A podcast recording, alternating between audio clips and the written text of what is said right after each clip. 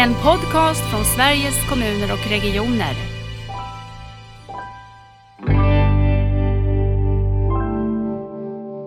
Att också hitta det man själv eh, det som inspirerar en och som ger en själv trygghet. Hitta sin egen zon någonstans brukar jag tänka. Hålla fast vid saker och ting. Våga återanvända bra exempel och bevis. Och vara stolt över det.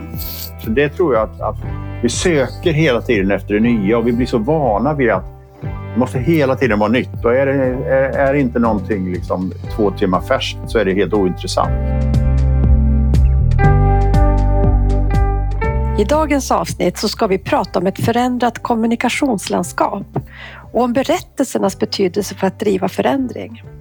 Och dagens gäst, han har sagt att nu kommer de, de berättande ledarna. Och vi har också eh, haft en berättarstudio och om ni blir nyfiken på det här med berättandet så kan ni också lyssna på ett kommande avsnitt där vi har två chefer som berättar om vad just berättelsen betyder i deras ledarskap. Men idag ska vi få träffa en gäst eh, som är både författare, föreläsare och rådgivare och som har erfarenhet både från politik och näringsliv. Jag är jätteglad att få säga välkommen till podden Per Schlingman. Hej, tack så mycket. Kul att vara med. Ja, hur har du det idag? Jag vet att du har något kul, kul framför ja, dig. Ja, men absolut. Det, när vi spelar in det här så är det söndag, eh, lunchtid och eh, senare eftermiddag denna dag, det kommer man ju veta då när man lyssnar på podden, men så är det ett, eh, ett avgörande match mellan Elfsborg och Malmö kring vem som vinner allsvenskan. Så det blir spännande. Det blir spännande. Det ska du ägna din söndag åt sen. Ja, delar av söndagen i alla fall. Mm. Just det. Men du, berätta lite mer om vem du är, din bakgrund och, och också varför du är så intresserad av det här med kommunikation. Ja, varför jag är intresserad av kommunikation är väl eh, det är svårt att säga, men jag har alltid varit väldigt fascinerad av, tror jag, människor och ganska nyfiken och eh, och jag vet sådär när jag själv blev politiskt aktiv väldigt, väldigt tidigt och bland det första jag gjorde det var att jag skrev en artikel som då för att komma tillbaka till det med Elfsborg då, som publicerades i Borås Tidning. Men jag är född och uppvuxen i Borås i en, kan man säga, familj som var textilentreprenörer med mm. Det var när Borås var väldigt stora på produktion och sådär. Vi sålde sybehör och blixtlås och hade knappfärgeri och sådär. Det var väldigt handelsinriktat sådär. Så gjorde det och sen så, som jag sa då, så blev jag politiskt engagerad ganska tidigt. Jag tyckte och då var ju också Sverige ett väldigt annat samhälle. Det fanns liksom järnridån, eh, fanns bara två tv-kanaler så det var lite mm. mer av ett tror jag, anti-etablissemang. Det var liksom någon annan typ av rörelse sådär. Löntagarfondsdebatter och sådär om, om någon yes. lyssnarna i den åldern eh, som man minns det här. Men sen så, sen så läste jag i Göteborg på Handelshögskolan och sen hade jag som idé att fortsätta eh, faktiskt gå vidare och på forskarutbildning. Men gjorde inte det. Jag fick erbjudande ett jobb i Haninge kommun, eh, vilket var väldigt spännande. Och sen har jag egentligen varvat kan man säga ett yrkesliv i politiska strukturer och att vara utanför och eh, har eh, både jobbat i partistrukturen, jobbat på regeringskansli, men jag har också, kan man säga, de tio senaste åren också utforskat berättande på lite olika sätt. Skrivit skönlitteratur, varit med och varit exekutiv producent i en tv-serie som baseras på en trilogi, eh, politisk spänningslitteratur jag har skrivit. Jag har skrivit gastronomisk feelgood. Jag Eh, driver, som vi gör nu, olika poddar, eh, utforskar TikTok och sådär. Men jag är väldigt fascinerad kring berättande. Har väl jobbat med berättelsestrategi eh, och framtid. Och jag tror att det är väl min slutsats lite grann att det är så lätt när man berättar att man hela tiden berättar om vad man gör eller har gjort. Mm. Medan väldigt mycket av det som väcker engagemang och sådär handlar ju om att faktiskt aspirera på någonting framåt. Att våga träda in lite grann i det osäkra och våga tro någonting om framtiden. Mm. Intressant. Jag tänker när du nu tittar bakåt och så, och så finns du där vi är idag då. Hur ser du på det politiska berättandet? Om jag tänker det partipolitiska berättandet, för det har du ju följt så Mm. nära. Hur har det förändrats från Dels är det en helt annan plattform att berätta såklart eh, idag, men hur tycker du att bara berättandet i sig har förändrats? Det finns många bottnar i det. Det ena är ju att det har ju förändrats av att kommunikationslandskapet har förändrats från ett eh, lite mer här, långsamt linjärt berättande via mellanhänder, framförallt då traditionella medier. Just det. Eh, Och jag vet att när jag började med politisk kommunikation då var det egentligen ett väldigt tydligt nyhetsdygn med morgontidningarna, lunch, morgontidningarna, morgonekot, lunchekot, kvart i fem-ekot, Mm. kvällssändningarna och sen så började det om nästa dag. Och man pratar om det här nyhetscyklet och nyhetsdygnet. Nu är ju, sker ju allting hela tiden och det stora nu är ju att du kan ju ha en relation direkt med människor. Mm. Eh, Och det kan man väl säga att Trump var ju väl den första och Macron i Frankrike egentligen som på allvar utforskade detta. Man hade miljontals människor som man nådde direkt och kunde nå ut med exakt sin egen berättelse. Mm. Det är det ena och det andra tycker jag det är ju också att en återspegling av att samhället är mer komplext. Eh, Vi är med i EU. Eh, Och det tycker jag också att eh, politisk kommunikation tenderar ibland att bli lite förenklad. Eh, Just det. Därför att eh, det finns inte riktigt utrymme, är det många som upplever, för de här nyanserna. Och sen det sista ska jag nog säga, det är att jag, min bild är att i all politisk kommunikation, och det gäller nog också väldigt mycket annat, så kan man alltid välja mellan hot eller hopp. Alltså man kan antingen Exakt. välja att ass, liksom, appellera till människors rädslor och säga att vi eh, minskar dina rädslor, vi skyddar dig. Eller så kan man vara lite mer hoppfull och säga att eh, vi vill göra någonting ganska bra, ännu bättre. Mm.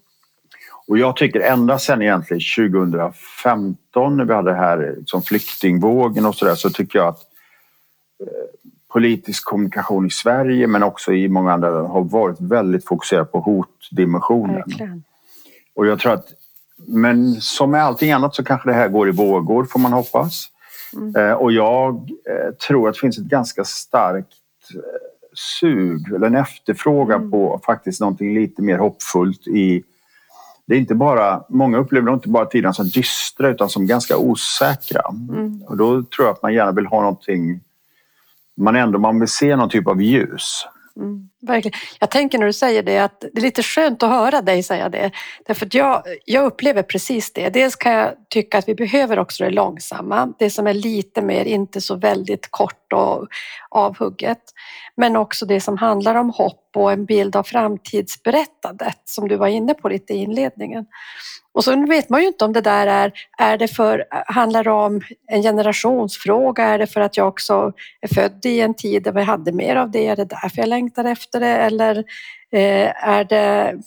Ja, man, man vet ju inte riktigt vad det handlar om, men när du säger det så tänker jag att jag känner väldigt mycket igen mig Mm. i att man blir väldigt utmattad av denna krisrelaterade, det som är hotkommunikationen på något sätt, att vi ska rädda dig från hotet.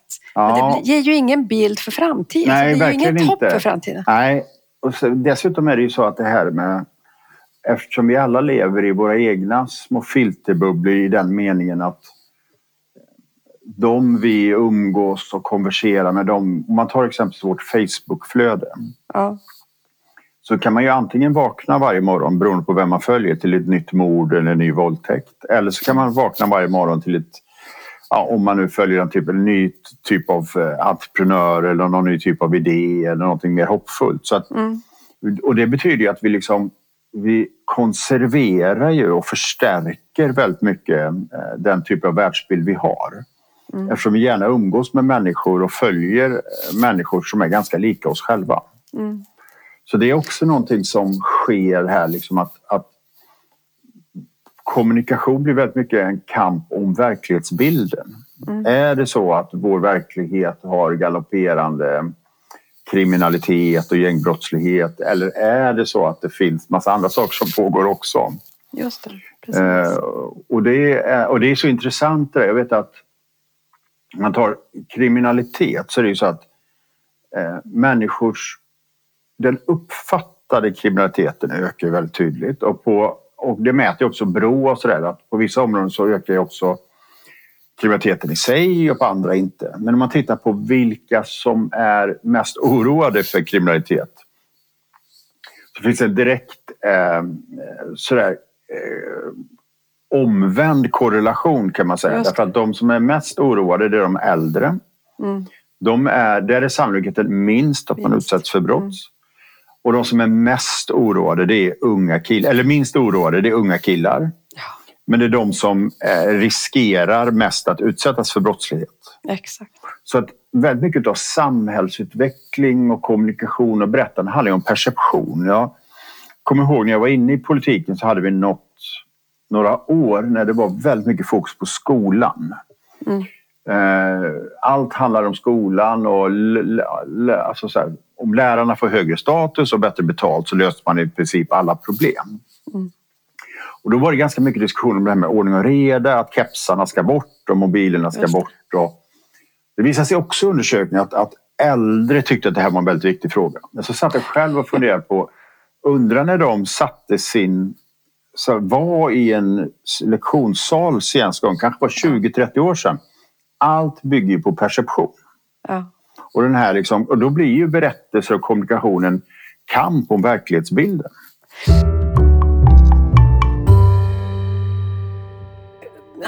vi ska landa in i just det här nya kommunikationslandskapet och eh, ledarskapets roll i det. Men jag måste ändå fråga när du pratar om det här.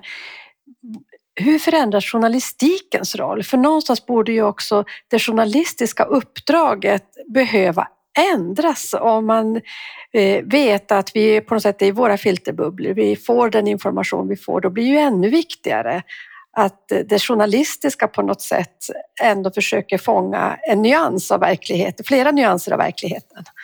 Inte bara en. Men... Definitivt. Samtidigt så kan man väl säga att journalistik, det här finns väl två riktningar här. skulle jag säga. Det ena är ju att journalistiken också följer det här, att man har Beroende på vilken typ av filterbubbla och världsbild man har så finns det olika typer av journalistik. Alltså, om vi återigen går till USA som är tydligast här så kan man säga att om du har en typ av världsbild så kollar du på Fox News. Mm, eh, har du en annan typ av världsbild så kollar du på eh, en, vad heter de, NBC, ABC eller vad mm. de heter. Eh, och där är ju liksom kabel-tv väldigt drivande. Men jag skulle säga att man ser samma sak i Sverige. Alltså har du en typ av världsbild så kanske du läser Dagens Nyheter och sen så har du en annan typ av världsbild så kanske du följer det som vi kallar för alternativ media.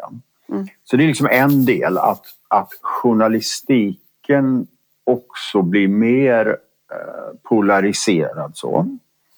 Men den andra är väl det som vi kallar för liksom det journalistiska uppdraget och public service ja, precis, som du nämnde. Public service, det är väl lite åt ja, och då ska jag säga att det, det, finns nog också två dimensioner. Där. Det ena är det här att faktiskt försöka vara en aktör som vilar på journalistiska principer och som försöker få liksom en bred trovärdighet.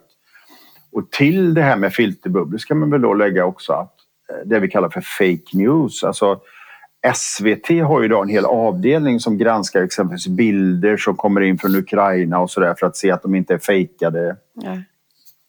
Och det andra skulle jag säga, och det är väl kanske det riktigt utmanande då, det är att fundera på går, kan vi försöka få hitta olika typer av liksom, gemensamma referenser och journalistiska produkter som kanske följs bo av människor som har olika världsbilder. Och nyhetsmässigt så är det ju ganska svårt. Lokalt kan det fungera väldigt bra om du har starka lokala medier. Mm.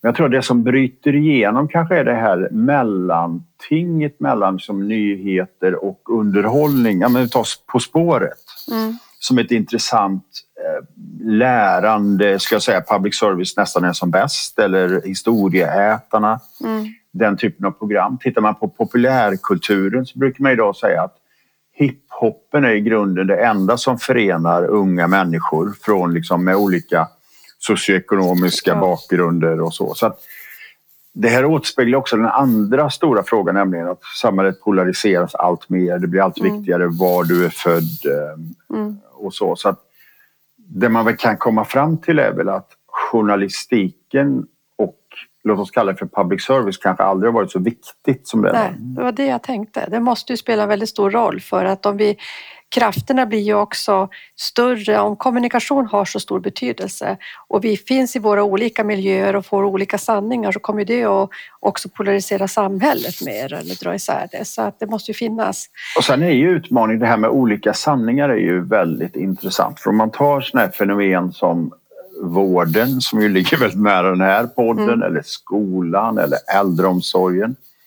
Så är det ju så att den, den fungerar ju väldigt olika på olika håll i landet. Det finns ju inte egentligen en samlad sanning. Nej. Eller hur står det till med den biologiska mångfalden i naturen? Alltså det är ganska komplexa frågor Mm. där du kan ha det som är alldeles fantastiskt på ena Mm. sidan och sen å andra sidan har du det som behöver bli mycket bättre.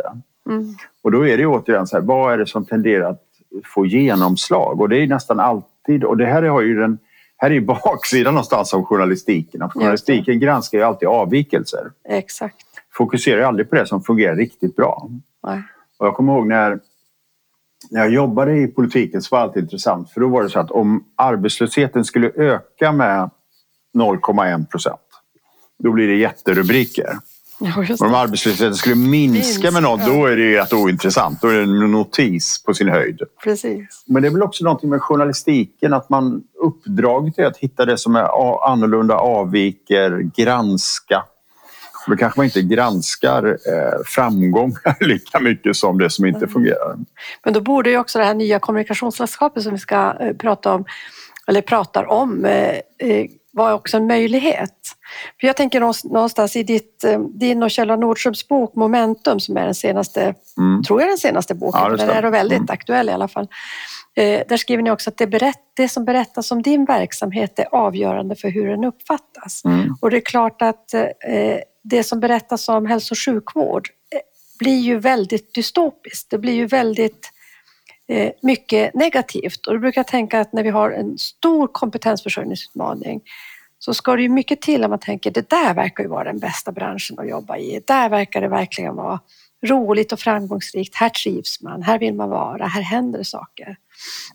Utan det blir ju lätt bilden av eh, också det som jag vill inte alls underskatta eller göra, eh, säga att det inte är viktigt att vi pratar om de förbättringar vi behöver för det, det är ju det vi håller på att driva. Men när bilden aldrig handlar om vilka framgångar vi gör så är det ju ganska tufft. Och inte minst att vara ledare i sådana, i, i sådana verksamheter. Så är det ju absolut och eh, det handlar ju också om att eh, både hur man kan locka människor in i eh, yrkena men också den självkänsla människor har när man arbetar i yrken som ständigt ifrågasätts. Ja, precis. Men jag skulle säga att jag tror också att det är en ganska splittrad bild lite grann och över tid så upplever jag nog ändå en klar positiv utveckling. Alltså om vi backar många, många år så pratar man ibland om, eh, nu ska vi se, den privata sektorn som den närande sektorn. Just det, precis. Och sen det som vi finansierar med skattepengar som den tärande sektorn. Mm. Och här tycker jag det har hänt väldigt mycket och det sker ju, upplever jag, en ganska stark professionalisering. Oh, ja. Eh, Men men jag, jag delar uppfattningen att, att eh, bilden av vården, eh, hur det är att arbeta i vården korrelerar, den har en väldig påverkan på möjligheten att liksom locka människor att, i utbildningsval, i kompetensförsörjning och så vidare. Mm. Ganska lik den utmaning som industrin har haft. Mm. Alltså industrin var ju tidigare också ganska negativt laddat. Det var ganska tungt Mm. och de kände en enorm frustration. Mm. För man förstod inte att det här är egentligen högteknologiska arbeten som är väldigt liksom eh, IT-intensiva och sådär. Eh, men jag håller helt med. Det är, det är någonstans så är det ju lite grann en kamp om hur ser vi på vad olika delar i samhället har. Man uppfattar det, vad det är för status, vad det är för utvecklingsmöjligheter. Mm. Men samtidigt så tror jag att det som någonstans underliggande håller på att växa fram det är ju att att arbeta exempelvis inom vården, inom skolan eller inom rättsväsendet, det är ju per definition samhällsnyttigt. Ja, precis. Och det får vi verkligen säga att det tycker jag ändå. Det kanske är någonting i det här.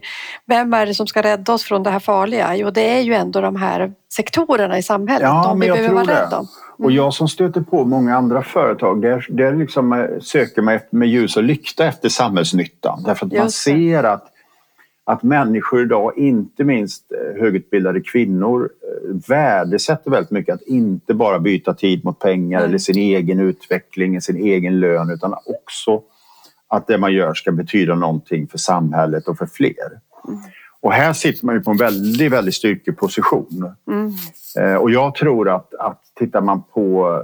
Nu är det ett väldigt fokus på det här med brottslighet och sådär. Att jag tror att vi kommer få se människor som söker sig in tror jag, i rättsväsendet med mm. liksom, utgångspunkten att faktiskt bidra. Mm, Omställningen, samma sak, är ju att mm. det söker sig väldigt många till liksom, när vi nu ska ersätta det fossila med fossilfritt och så. så att, mm. Men jag tycker, om man ska vara lite krass här och, och kanske lite självreflekterande så det, detta är väl ett område där jag tycker att politiken inte riktigt har sett, tror jag, att man har ett ansvar också för för det är väldigt lätt att man eh, kritiserar det som inte fungerar. Mm. Eh, men samtidigt så har man ju ändå ett ansvar som den liksom yttersta huvudmannen. Att det mm. här är sektorer som speglas på ett rimligt korrekt sätt. Att eh, mm. man också kan, att man också lockar in talanger till det.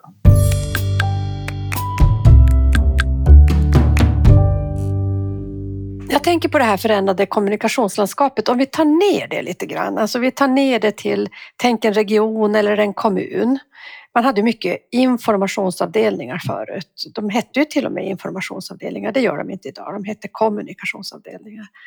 Men du pratar om ett förändrat kommunikationslandskap som att gå från en till många från, till att vi nu är från många till många. Kan du sätta lite mer eh, ord bakom det där? Vad ja, ja, men absolut. Jag, jag, tror att det som...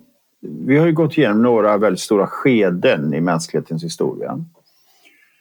Och det riktigt stora genombrottet, det sista, det var ju eh, med masskommunikation och Gutenberg. Och det betydde att plötsligt så kunde en människa eller en aktör nå väldigt många människor via olika typer av masskanaler, alltså tv, och det eh, födde också ett tänkande någonstans att man i organisationer så har man makten i toppen och sen så formulerar man budskap och så trycker man ut det i organisationen och sen så styr man där med liksom sin egen informationsgivning eller hur man uppfattas.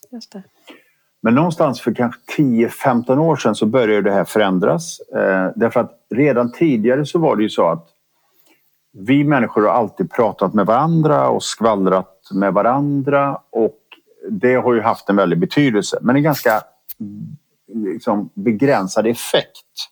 Mm. Men någonstans för 10-15 år sedan med sociala mediers framväxt så är det plötsligt så att vi alla har tillgång till våra egna nätverk och på olika sociala plattformar hela tiden konverserar. Och samtidigt med det så kan man säga att de här stora breda kanalerna eh, stagnerar eller minskar. Det. Så det är en väldig omstöpning av kommunikationslandskapet där vi lever ju fortfarande kvar rätt mycket med masskommunikation. Det finns fortfarande kvar, men det som kommer till det är just det där att, att vi har makten att konversera med dem vi känner hela tiden. Och det betyder ju att, att makten förskjuts ganska mycket från toppen ut till det vi tidigare kallat periferin och vi samtalar hela tiden. Mm. Och då brukar jag tänka att om man då är en region eller vad man är så kanske man tidigare tänkte i termer, okej okay, vad är det för budskap vi vill kommunicera? Nu handlar det mycket mer om att inspirera för att bli ett samtalsämne. Just det. Eh, här, när, när, vi spelar in den här podden så är det söndag. Dagen innan så har eh, ett stort kosmetikaföretag öppnat en ny butik i Stockholm.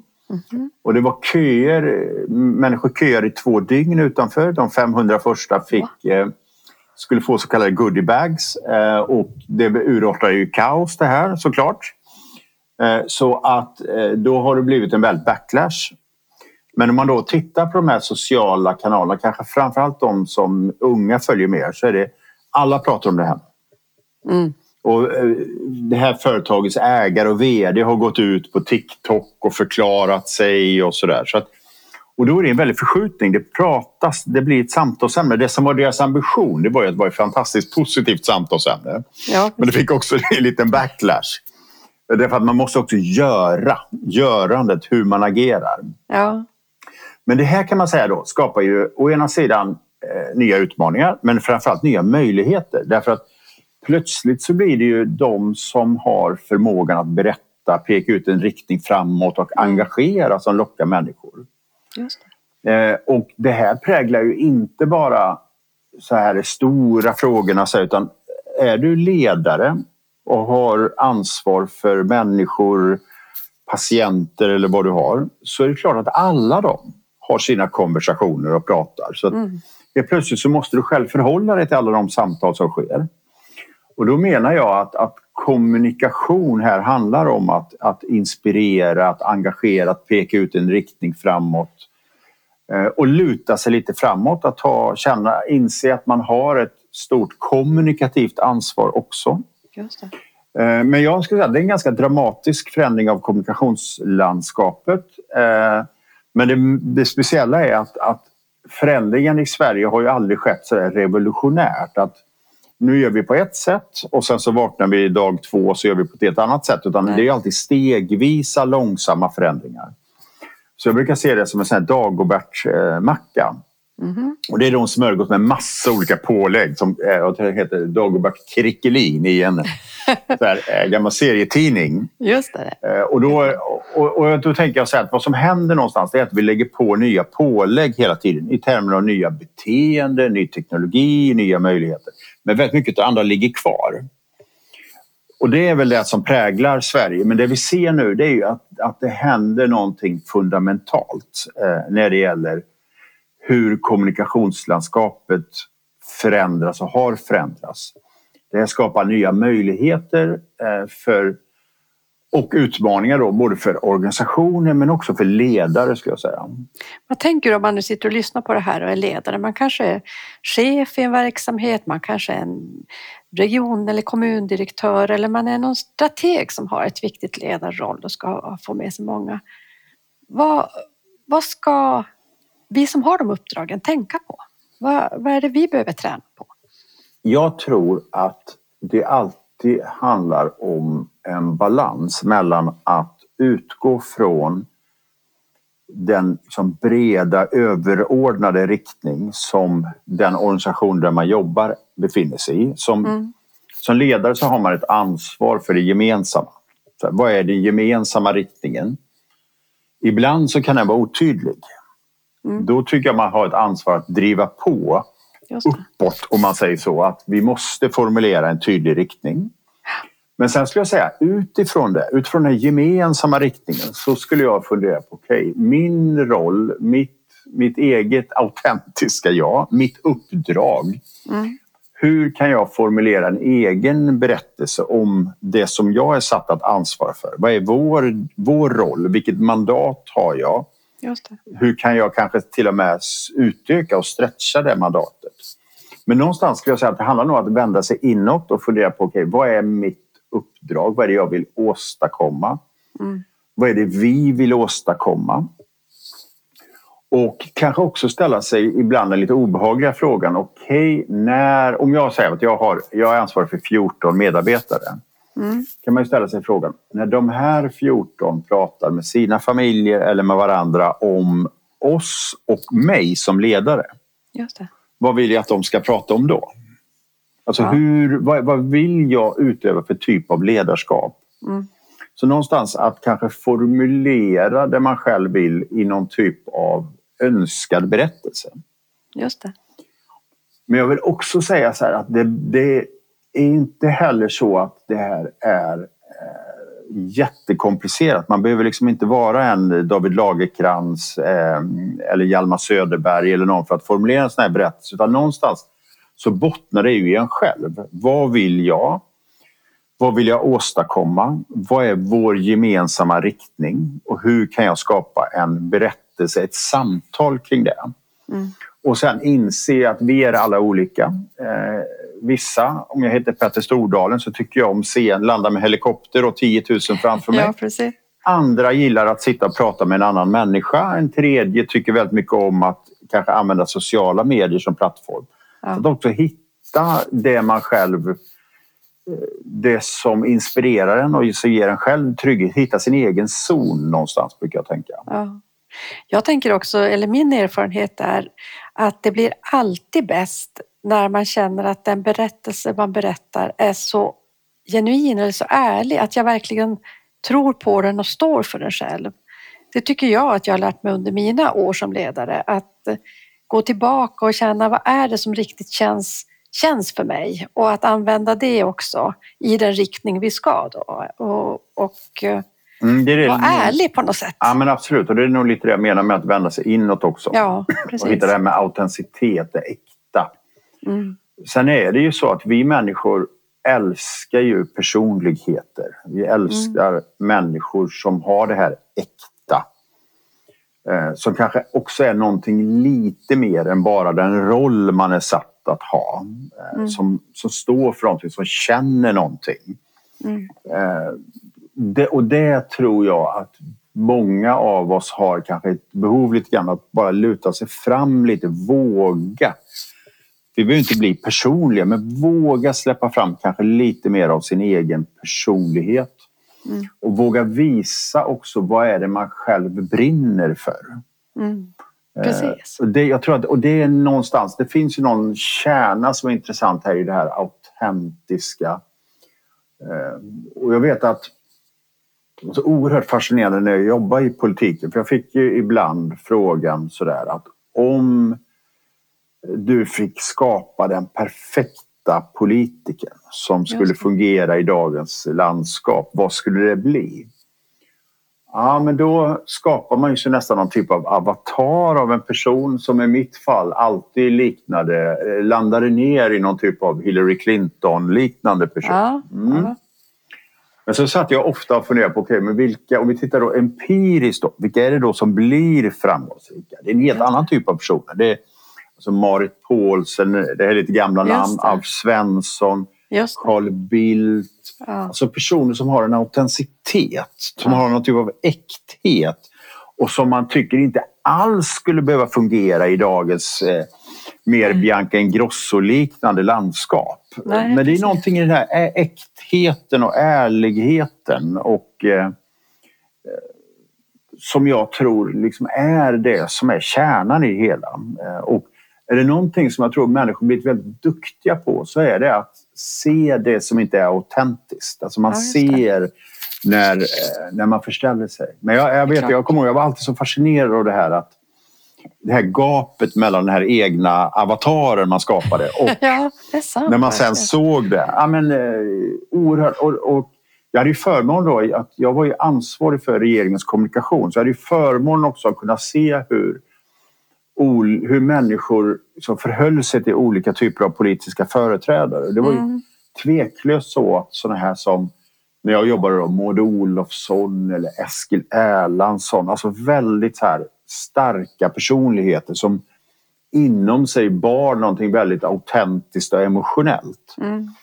Eh, Det blev väldigt framgångsrikt. Kanske inte omedelbart sådär, men över tiden så märker man att det vinner väldigt mycket förtroende. För det är ju någonting då bakom bara det som sägs. Det är ju också någonting som handlar om att de här, här ser man, här är en människa. Det kanske inte är människor som är exakt som mig, men det är en människa och man blir också nyfiken på eh, berättelsen just därför att den känns mer äkta. Men jag tänker också att det finns ju något strukturellt i det här. Eh, jag kommer ju från en region innan jag hade det här uppdraget och eh, utan att eh, de sticker inte ut på något sätt utan jag tror att det är väldigt, väldigt så att vi har väldigt lite av de här vad ska jag säga, efterfrågan eller träningsläger eller så för ledare att verkligen ta hand om de här sidorna. Utan annonserna söker oftast någonting, i alla fall formulerade på andra sätt. Eh, när vi går utbildningar till, i ledarskap, ja då kanske man har en och så här, det här är vår vision och så ser man en powerpoint på det och sen har man väldigt mycket om att vara en eh, arbetsgivarrepresentant och sen har man lag och avtal. Men ganska lite om det här som egentligen påverkar verksamheter som, har så mycket, som, som består av människor. Det är ju det som är på något sätt produktionsmedlet. Eh, det måste finnas någon strukturell nivå i det här där vi borde efterfråga de här ledarskapsförmågorna. Vi borde träna dem. Vi borde... Eller vad jag, tänker du? Jag delar helt uppfattningen. Jag tänker att eh, å ena sidan så kanske det är så att en del av det vi kallar de här sidorna kanske vi förklär ibland och pratar om mm. sådana här saker som eh, teambuilding och annat som ju delvis har det här. Men det finns något annat i det som kan ju vara så att det finns nästan någon så här grundläggande syn på att antingen har man det eller så har man det inte. Nej. Antingen är man en god berättare och god kommunikatör eller så är man det inte. Mm. Jag är alldeles övertygad om att alla har det i sig inneboende. Men just det där att hitta sin egen zon, vad det är som man själv känner sig trygg och man vill utveckla. Så att jag tror att vi måste se det här som en ledarskapsegenskap som eh, andra och träna på det. Mm. Jag har själv funderat mycket på det. Jag har aldrig riktigt hittat formen. Men jag har funderat på att, eh, och vi ska kanske nämna lite grann det här med berättarstudion. Jo, men precis. Men att faktiskt träna i grupp. Just det. För ofta är det eh, någonting också som vi ser väldigt individuellt. Eh, alltså, det sätt man ibland ändå tränar det här på det är ju i så kallade retorikcoaching och retorik mm. och du fick retorikkonsulter ja. och mm. eh, Elaine Eksvärd och, och de här. Jag känner ju flera av dem och det intressanta är att det är väldigt mycket individuellt. Medieträning kallar man det ibland, och också individuell ja. träning. Men det blir ju riktigt spännande om man tränar i grupp. Mm. Man kanske börjar med liksom, man spelar innebandy och sen så tränar man det här i 45 minuter. Eh, och, och, och, någonstans eh, och inspireras av varandra och kanske inse att man har det inneboende mm. eh, på ett sätt.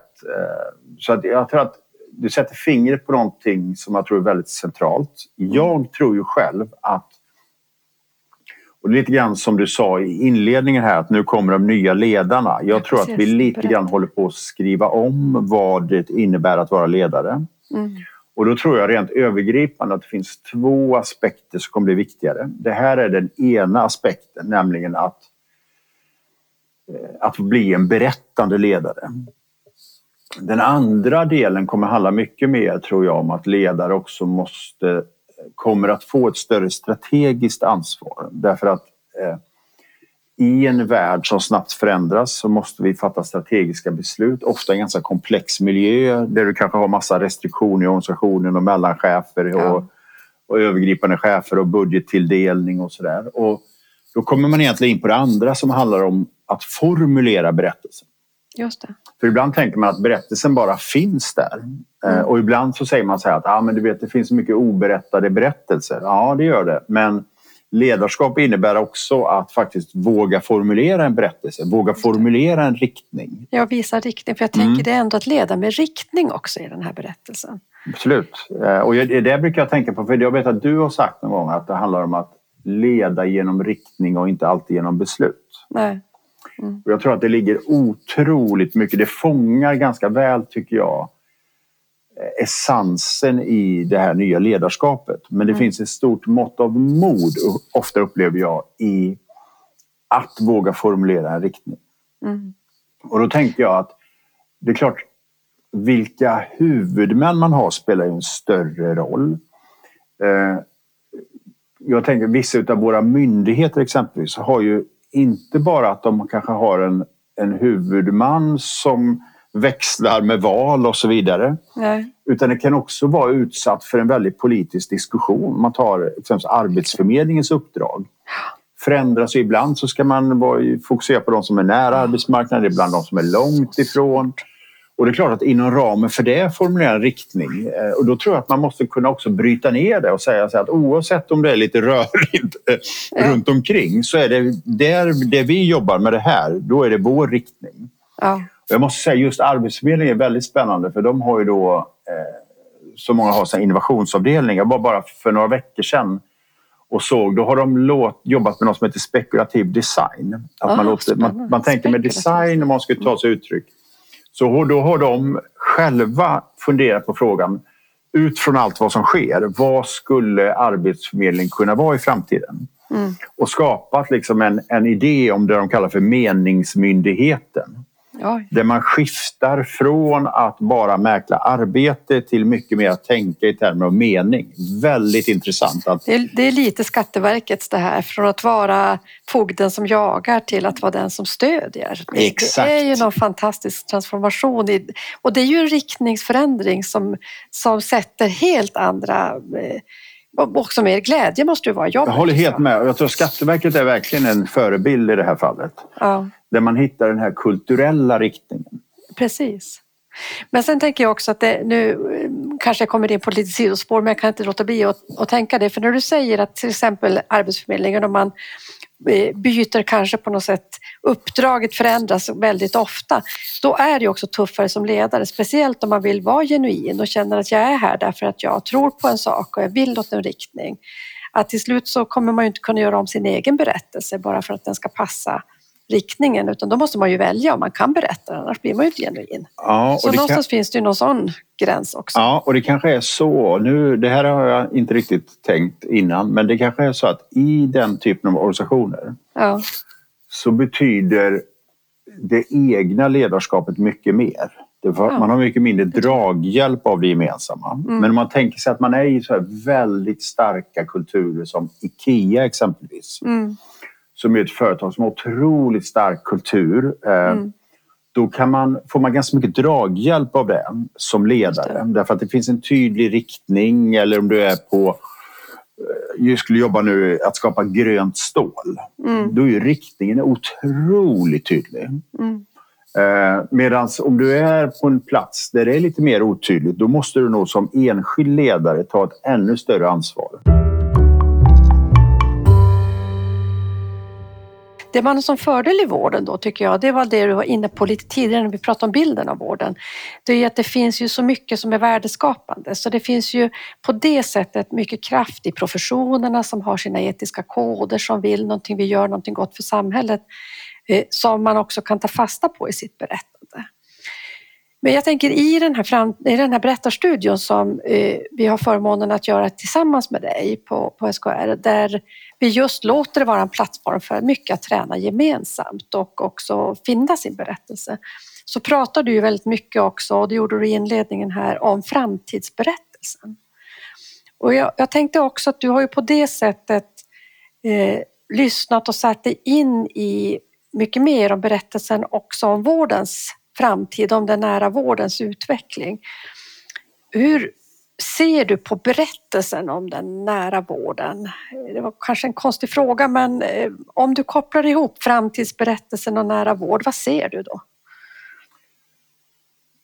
Jag tänker väl att det finns ju en överordnad berättelse om vården. Eh, vad vården är, vad, är liksom, vad kan medborgarna förvänta sig och i vilken riktning är den på väg? Eh, hur står det till med den idag? Just det. Och där tycker jag det finns en... Där upplever jag att nära vård är ju en, det är en tydligt definierad riktning. Mm. Men den är lite svårt för att den är inte organisatorisk eh, till sin huvudkaraktär utan Nej, det är liksom en förändring i beteenden, förhållningssätt till vårdens uppdrag, förhållningssätt till människor i med det här personcentrerade. Så det är egentligen en, ligger närmare Skatteverket där, alltså det är en kulturell förändring men det, det, finns en, det finns en tydlighet i det. Mm. Sen tror jag att bryta ner det här till eh, patienter och människor och människor i vården. Mm. Eh, då är det så att det, det betyder ju olika för olika människor. Mm. Eh, mycket handlar ju om vad man har för förväntningar själv på hur mycket kan, vill jag samskapa? Um, och ser jag vården, ser jag min relation till vården som ett partnerskap eller mer som att uh, jag kan liksom avropa hjälp i de ögonblick jag behöver det.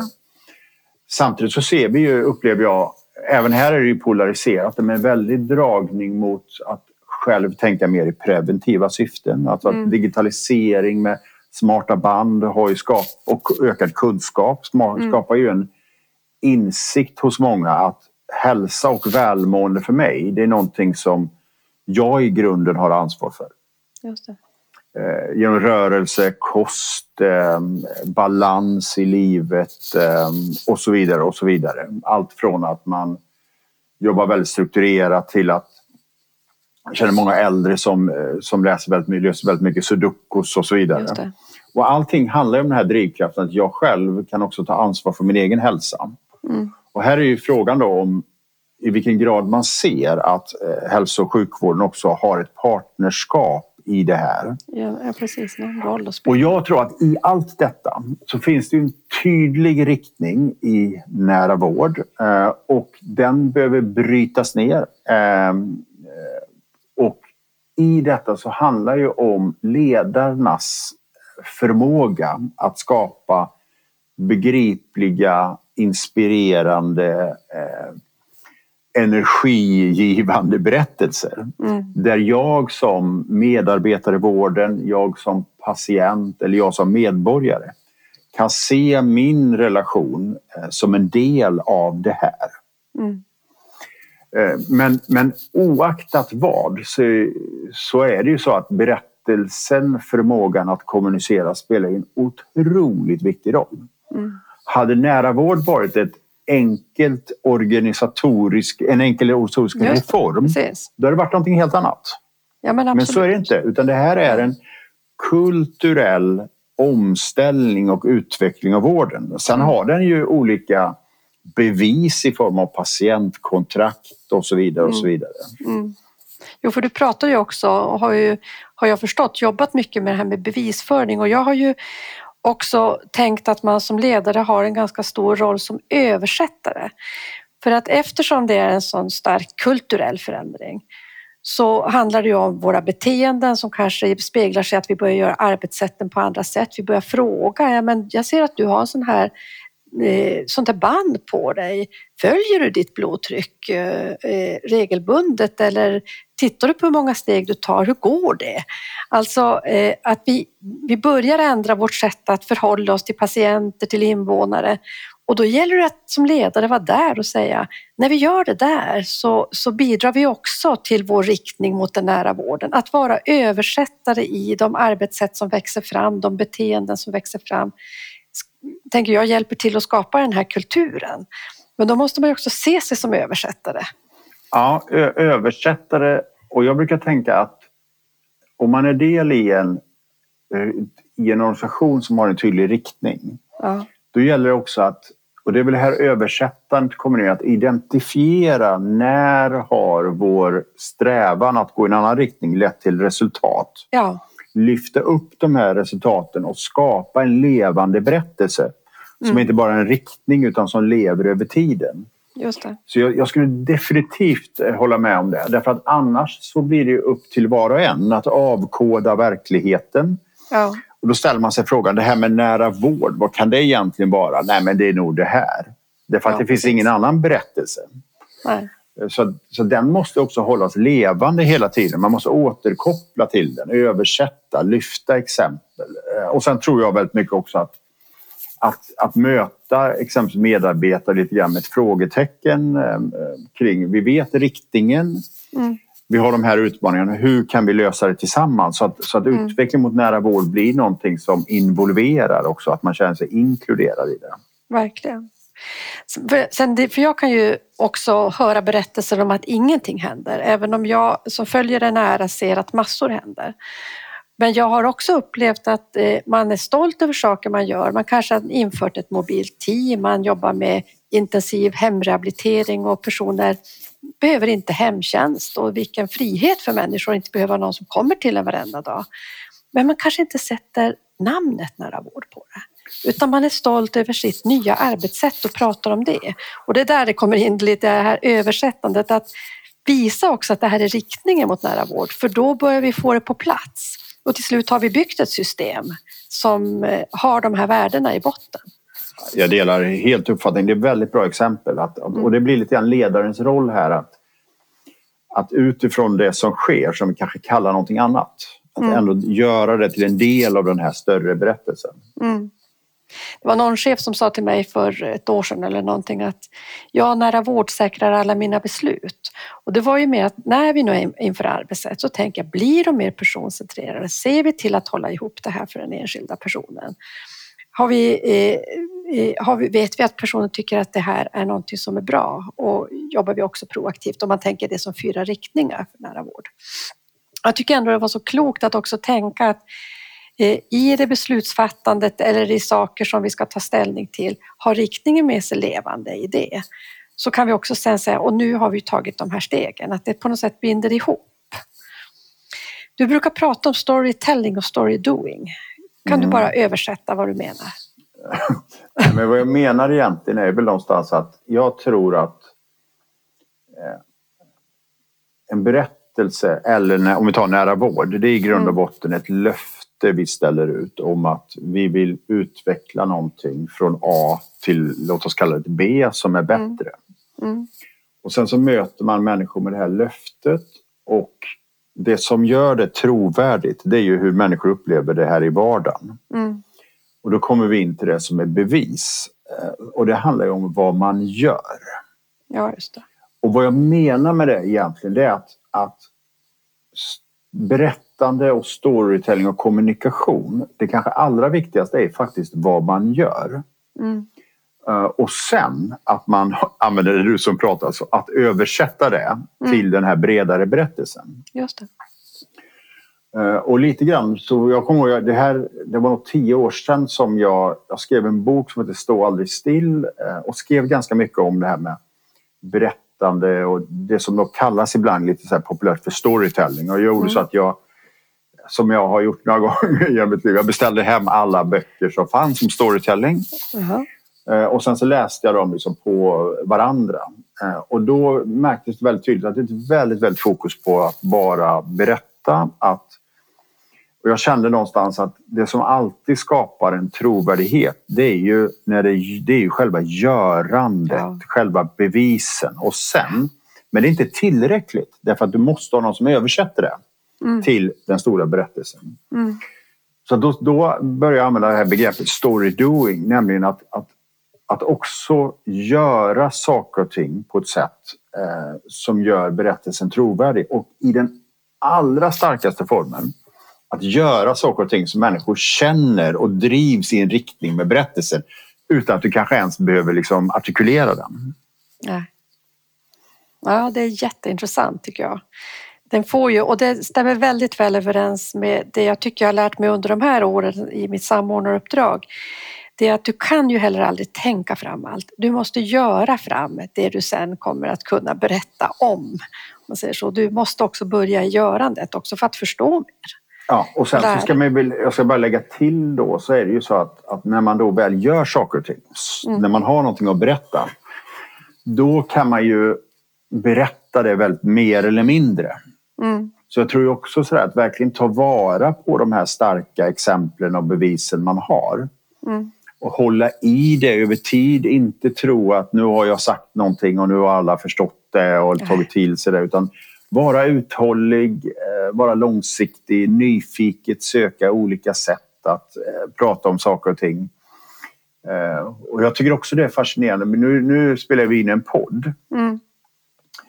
Och jag har ju förmånen, jag driver både egna men också varit med i en del andra genom åren och sådär. Mm. Och jag brukar ofta tänka på det. Hur, hur använder de som har spelat in podden och då ser man allt ifrån att det är bara någon som lägger upp avsnittet, punkt mm. slut, tills de som gör kanske fem olika små filmer på det och som kommer tillbaka i, kanske över en, en, två månaders tid, olika citat och filmer och tar ut. Oh.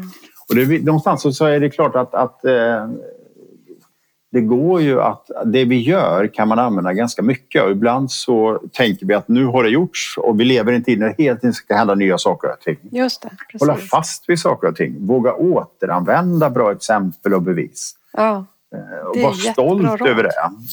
Det tror jag att, att vi söker hela tiden efter det nya och vi blir så vana vid att det måste hela tiden vara nytt. Och är det är, är inte någonting liksom två timmar färskt så är det helt ointressant. och sen är det ju också det, och det är ju väldigt i, i den sändarens perspektiv, för det som inte längre känns nytt för mig kan ju vara väldigt nytt för dig, för du har ännu inte lyssnat på det. Så det gäller ju också att kliva lite utanför sig själv och tänka. Precis så. Så är det ju Ja. hundra procent. Och, Ja, och man kan också säga någonting på lite olika sätt. Och, Ja. Så att, så att, eh, det där att tycker jag det där är ju en konst i ledarskapet för man blir ju lite trött på sig själv Mm. också. Man ska berätta framtidsberättelsen och har gjort det ett antal gånger. Det kan inte vara någon som vill höra det här igen.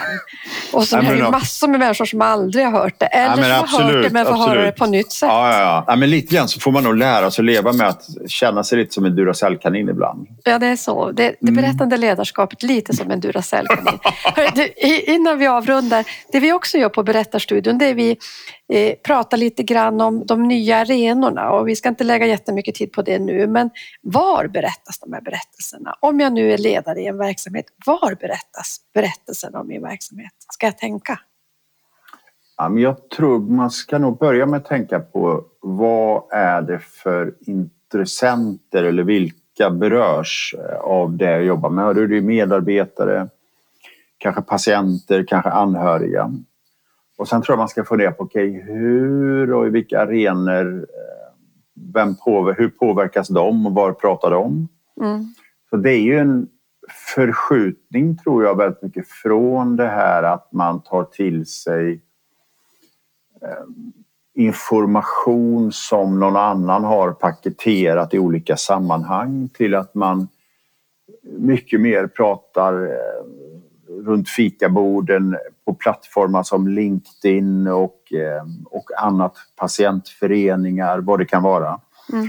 Så någonstans är det väl att, att, att eh, inse också att, att för väldigt många, nu eh, ser ju inte lyssnarna hör ju bara det här men jag håller en mobiltelefon i min hand och för väldigt många är det så här, det sista man gör på kvällen innan man lägger sig att man tittar sina sociala medier. Det första man gör på morgonen Ja, att man tittar sina sociala medier. Och det är klart att det har en väldigt, väldigt påverkan. Det är ju väldigt Ja. mycket där man pratar. Eh, Och jag tänker också det här med, vi pratade innan om att vara attraktiv för, för människor som söker sig in i vården. Man pratar ju väldigt mycket med varandra och eh, man känner garanterat fler som jobbar i vården. Man Mm. kollar upp sina potentiellt nya chefer, hur de är på sociala medier. Mm. Så det är ju ett annat landskap eh, såklart. Ehm, eh, Och jag brukar tänka så här ibland att, att när man gör någonting och så där, vad säger de som man har haft förmånen att prata med eller gjort någonting när de kommer hem till sina familjer? Tänka så här, bara, idag har jag gjort det här. Ja, Vad är det de säger sen? ja, Och lite grann är det väl så tror jag att våga ha lite grann det här nyfikna mottagarperspektivet. mm. Men ar- arenorna är ju mycket mer de här konversationsarenorna. Mm. För jag tänker att NHS i, i Storbritannien, där har, vet jag att de i, när de jobbat med transformation har också pratat mycket om vilka är influencersna i din verksamhet. För förutom att vara den som berättar själv som ledare så har man ju många, många andra som berättar som du har varit inne på. Och att ändå förstå dem. Vilka är det som är väldigt aktiva kanske på sociala medier? Eller vilka är det som gillar att berätta om verksamhet? Och vad berättar de för berättelser? Eh, Så att, Det ja. är eh, väldigt, väldigt intressant. Och Mm. tidigare har vi ibland kallat, använt det här ordet, eh, de, har de är informella ledare. Just det, precis. Och nu Lite är det så att- negativt tar det som. ja, exakt. Ja. Men nu är det så att de informella ledarna har tagit ett rejält, tar ju ett rejält kliv framåt i betydelse. Ja, Och jag tror att det handlar om två saker då. Dels att inse vilka de är, men framförallt att uppmuntra och inspirera. Ja, Ibland är man ju lite rädd som ledare eh, därför att man kan inte styra det hundraprocentigt. Om någon annan plötsligt ska liksom prata om det man håller på med. Men jag tror att man måste våga göra det. Man måste inse att, att vad det handlar om är att skapa så mycket positiv energi som möjligt. Så många som vill berätta som möjligt. mm, Och kanske uppmuntra också människor som har nätverk som tycker att det är roligt och intressant. Eh, och ta vara på den bara, helt plötsligt poppar upp i mitt huvud så här, tänk att vara i en verksamhet, där kan man ju också göra sina berättarstudios. Tänk Mm. att få prata om, berätta, låta det vara lite lägerelder och, och berätta lite berättelserna för varandra. Berätta om ditt jobb och, och tittar man exempelvis på eh, kanalen TikTok som är väldigt intressant för den är väldigt driven av innehåll.